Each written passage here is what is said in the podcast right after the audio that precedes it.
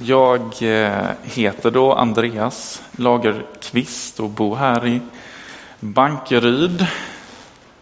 Och eh, jag är eh, gift med Carolina sedan ett år tillbaka. Och jag tog med mig en liten sak hit. Det här.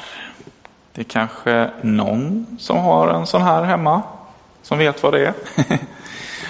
Ehm, det är så att för ja, några månader sedan så vaknade jag upp en natt av att min fru väckte mig.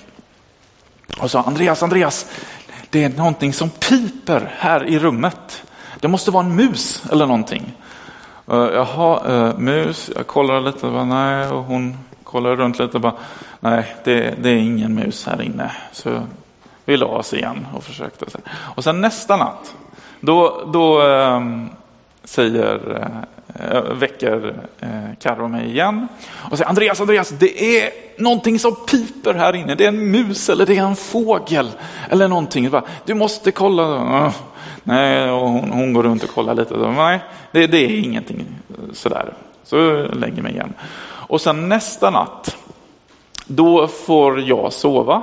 Men på morgonen, då eh, får jag, eh, när vi äter frukost, eh, jag och min fru, och då får jag med en liten så här, eh, ja, självsäker blick får jag se mobilen, min frus mobil, och så sätter hon på ett ljudklipp. Och då hör jag tydligen mig själv som då viss eller piper på något sätt och gnisslar tänder. Uh, och jag bara, ha, då var jag tydligen tagen på bar gärning. Uh, så jag går, eller ja, beställer tid uh, hos tandläkaren och de säger, ja men jag ser att du har lite, lite märken här på tänderna. Ja, du gnisslar tydligen tänder. Så jag får en sån här, ett litet skydd. Jag säger tandskydd, men bettskena tror jag är det rätta ordet. va? Ja. Um, så jag bara, jaha, och då visste jag egentligen innan och tandläkaren sa lite till mig att, att ja, men det där kan vara grundat i oro. Mm, Okej, okay. så att eh, oro, det kan ju faktiskt vara, vara grund till många bieffekter och sjukdomar. Det kan handla om muskelvärk, det kan ha, handla om huvudvärk, vi kan ha problem, av oro kan man få problem med sin mage, man kan få ont. Det kan ge, vi kan få utslag faktiskt av oro. Och det kan ge en onaturlig eh, trötthet. Det finns den sköna tröttheten, men oro kan ge en onaturlig, sån jobbig trötthet. Om man utgår från Bibeln så det här med tandagnisslan, det handlar om oro och det här lite, ja, det här jobbiga och det handlar också om utanförskap och ett lidande. Och de största orosmomenten vi människor har, två stora kategorier, är livet och döden väldigt brett. Och livet är ju ja, superbrett ämne. Det kan handla om pengar. Har jag tillräckligt med pengar? Vad gör jag med mina pengar? Ska man ge bort någonting av det man har? Relationer. Eh, hur är mina relationer med mina vänner? Med dem jag känner lite ytligt? Har jag ovänner? Är jag i en konflikt? Sånt kan skapa tankar som maler i huvudet. Ehm, kärleksrelationer, om jag inte är i ett, en kärleksrelation och, och kanske söker det, då, då, kanske jag tänker på det. Bara, ah, kommer jag hitta någon? Hur kommer det här gå? Och är jag i en relation, då finns det saker där som man behöver bearbeta också och om vår hälsa, hur mår jag? Men också livet med Gud kan skapa sådana här tankar. Ehm, och då menar jag mer att om jag nu har en tro och kallar mig för kristen ehm, och, och, och, tror att Gud har en, en plan och en vilja med mitt liv och jag ändå ibland tänker bara, är jag med i den planen eller är jag på den vägen som jag vill vara med Gud, som jag trodde att jag skulle vara? Det kan också skapa de här tankarna, oron i oss. Var är jag i min relation med Gud? Har jag synd i mitt liv?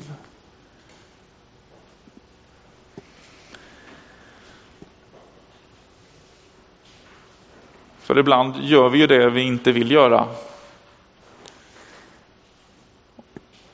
Och det jag vill göra, det gör jag inte. Är det ibland. Och om vi då har oro för livet så finns det ju också den här stora oron för döden.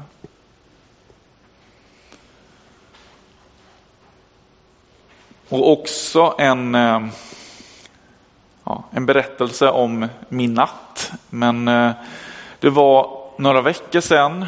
Det var, jag vaknade upp så här vid klockan två, klockan tre på natten. Jag brukar inte vakna upp egentligen, men det gjorde jag. Det var så lite varmt och kvavt. Jag kände att ja, jag kommer inte kunna somna om här. Så jag går till vardagsrummet, tar fram datorn och kollar på lite eh, ja, nyheter och vad har hänt i världen. Och då fick, fick jag se att eh, det här ter terrordådet hade hänt i, eh, i Nice i Frankrike. Hur hemskt som helst. Men jag visste också då att min frus syster med kompis var i Frankrike just då. Och då börjar verkligen de här tankarna, oron komma upp och man börjar verkligen tänka på liv och död. Hon och hennes vän mådde bra, det var inga problem där. Men det, det säger ändå någonting om att hur snabbt sådana intensiva tankar kan komma.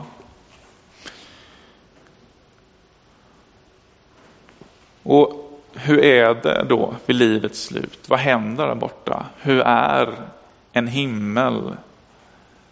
Det är väldigt svåra frågor.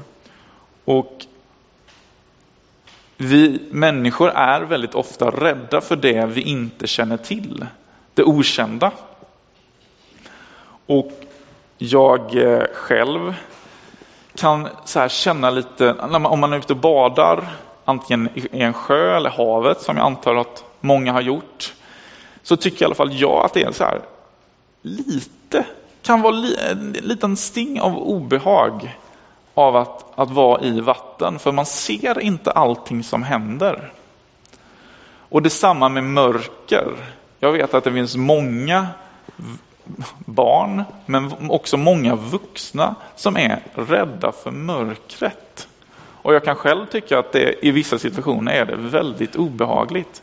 Men på dagen, om man går någonstans, ja men det här vet jag ju precis hur det är. Och sen när det är mörkt, jag, bara, jag vet inte vad som händer. Det okända, det jag inte vet, skapar fantasier och ibland kan det vara mycket, mycket värre än verkligheten. Det här med oro. Eh, jobbigt, men kan det då finnas någonting nyttigt med oron? Jag tror både ja och nej. Jag tror att oron kan vara djävulsk. Den kan vara utsugande, ta all vår energi. Den kan vara utplånande. Det kan vara som ett stort mörker som gör oss blinda. Den kan vara tärande. Men jag tror, tror också att det finns en god oro som är baserad på Guds kärlek, agapekärleken. För ja, ibland är oron gott, för allting i vår värld är inte bra. Det, det, vi lever i en värld påverkad av synden. Det finns problem, hemskheter. Och då kan det finnas en kombination. Om vi nu tror, eller vi vill gå på den smala stigen.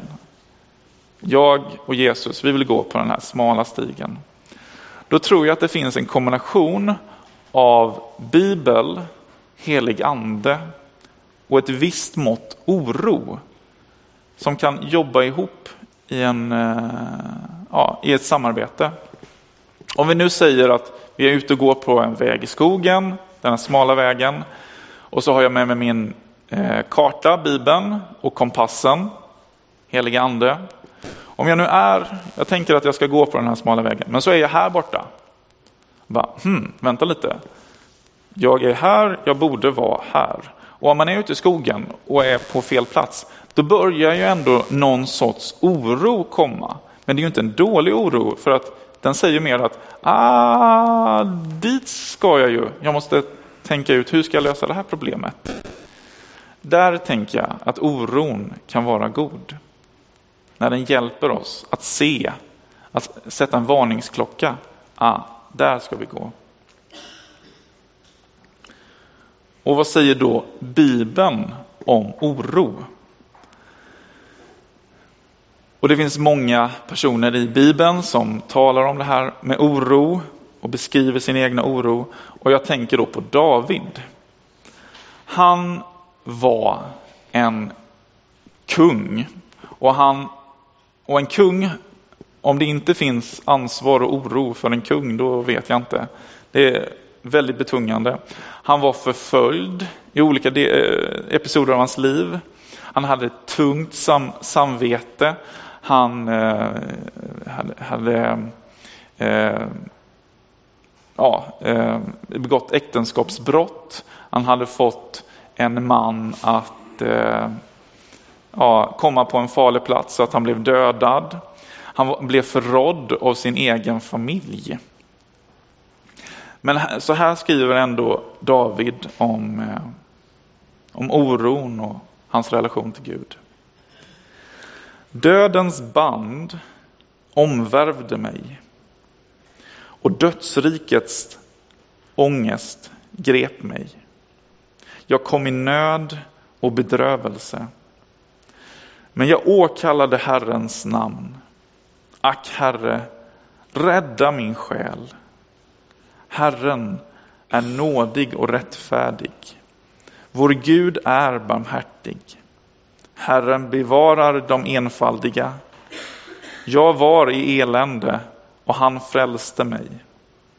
Vänd nu åter till din ro, min själ, ty Herren har gjort väl mot dig. David kände oro, men han vände sig mot Herren. Och vi kan inte lämna ett sånt här ämne utan att nämna Jesus. Och han vet ju vad vi känner. Han kände känslor. Han hade alla känslor. Han var glad, han skrattade, han grät när han var ledsen. Han kunde känna sig förföljd. Han kände oro. Och han kände inte bara oro, för det, det, det står ju att när han, när han så här, precis innan han visste att han skulle göra de här svåra uppgifterna, han skulle upp på korset, då ber han och han känner oro, han känner stark oro, han känner ångest och han svettas blod. Det kan man göra om man känner svår, svår ångest. Och att gnissla med tänder, det är här nere. Och svettas blod, det är här uppe. Och Jesus, han, han vet vad vi går igenom. Han har haft de här känslorna i sig. Och jag säger inte heller att om vi, eh, ja, om man nu är en kristen, att all oro försvinner. För så är det inte. För om Jesus själv kunde känna oro så är det ju också så att vi kan känna det. Men Jesus säger att hans ok är skonsamt och hans börda är lätt. Alltså oket som hjälper en att ta tunga bördor. Om man bara ska gå från ICA eller någonting. Ska man, de här kassarna, de gör ont i mina händer, mina armar. Men om jag har ett ok, då kan jag, hela kroppen kan utnyttjas och det blir enklare. Och Jesus börda är lätt.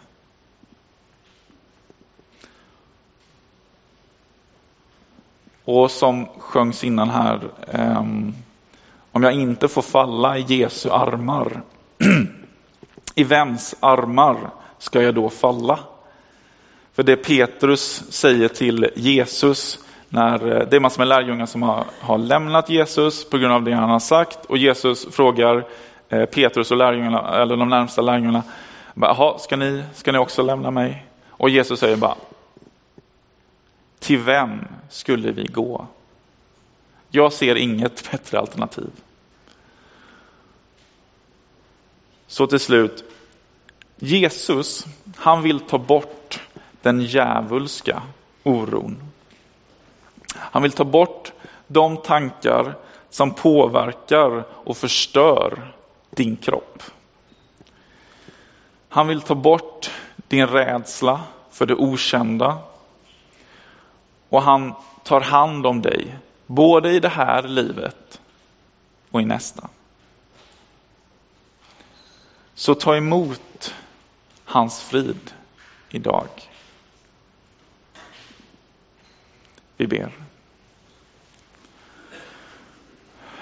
Jesus, tack att vi har dig. Tack att du inte är en opersonlig Gud. Tack att du var här nere på jorden och kände de känslor vi har. Tack att du är så nära oss. Tack att du är vår bästa vän. Tack att du har kraften att vi får kasta vår oro på dig och att vi får falla i dina armar. Jesus, du vet vad alla här inne känner. Jag ber att oron inte ska få greppa taget om våra hjärtan utan att du ska visa din styrka och din kraft. Tack för all godhet vi får från dig. Amen.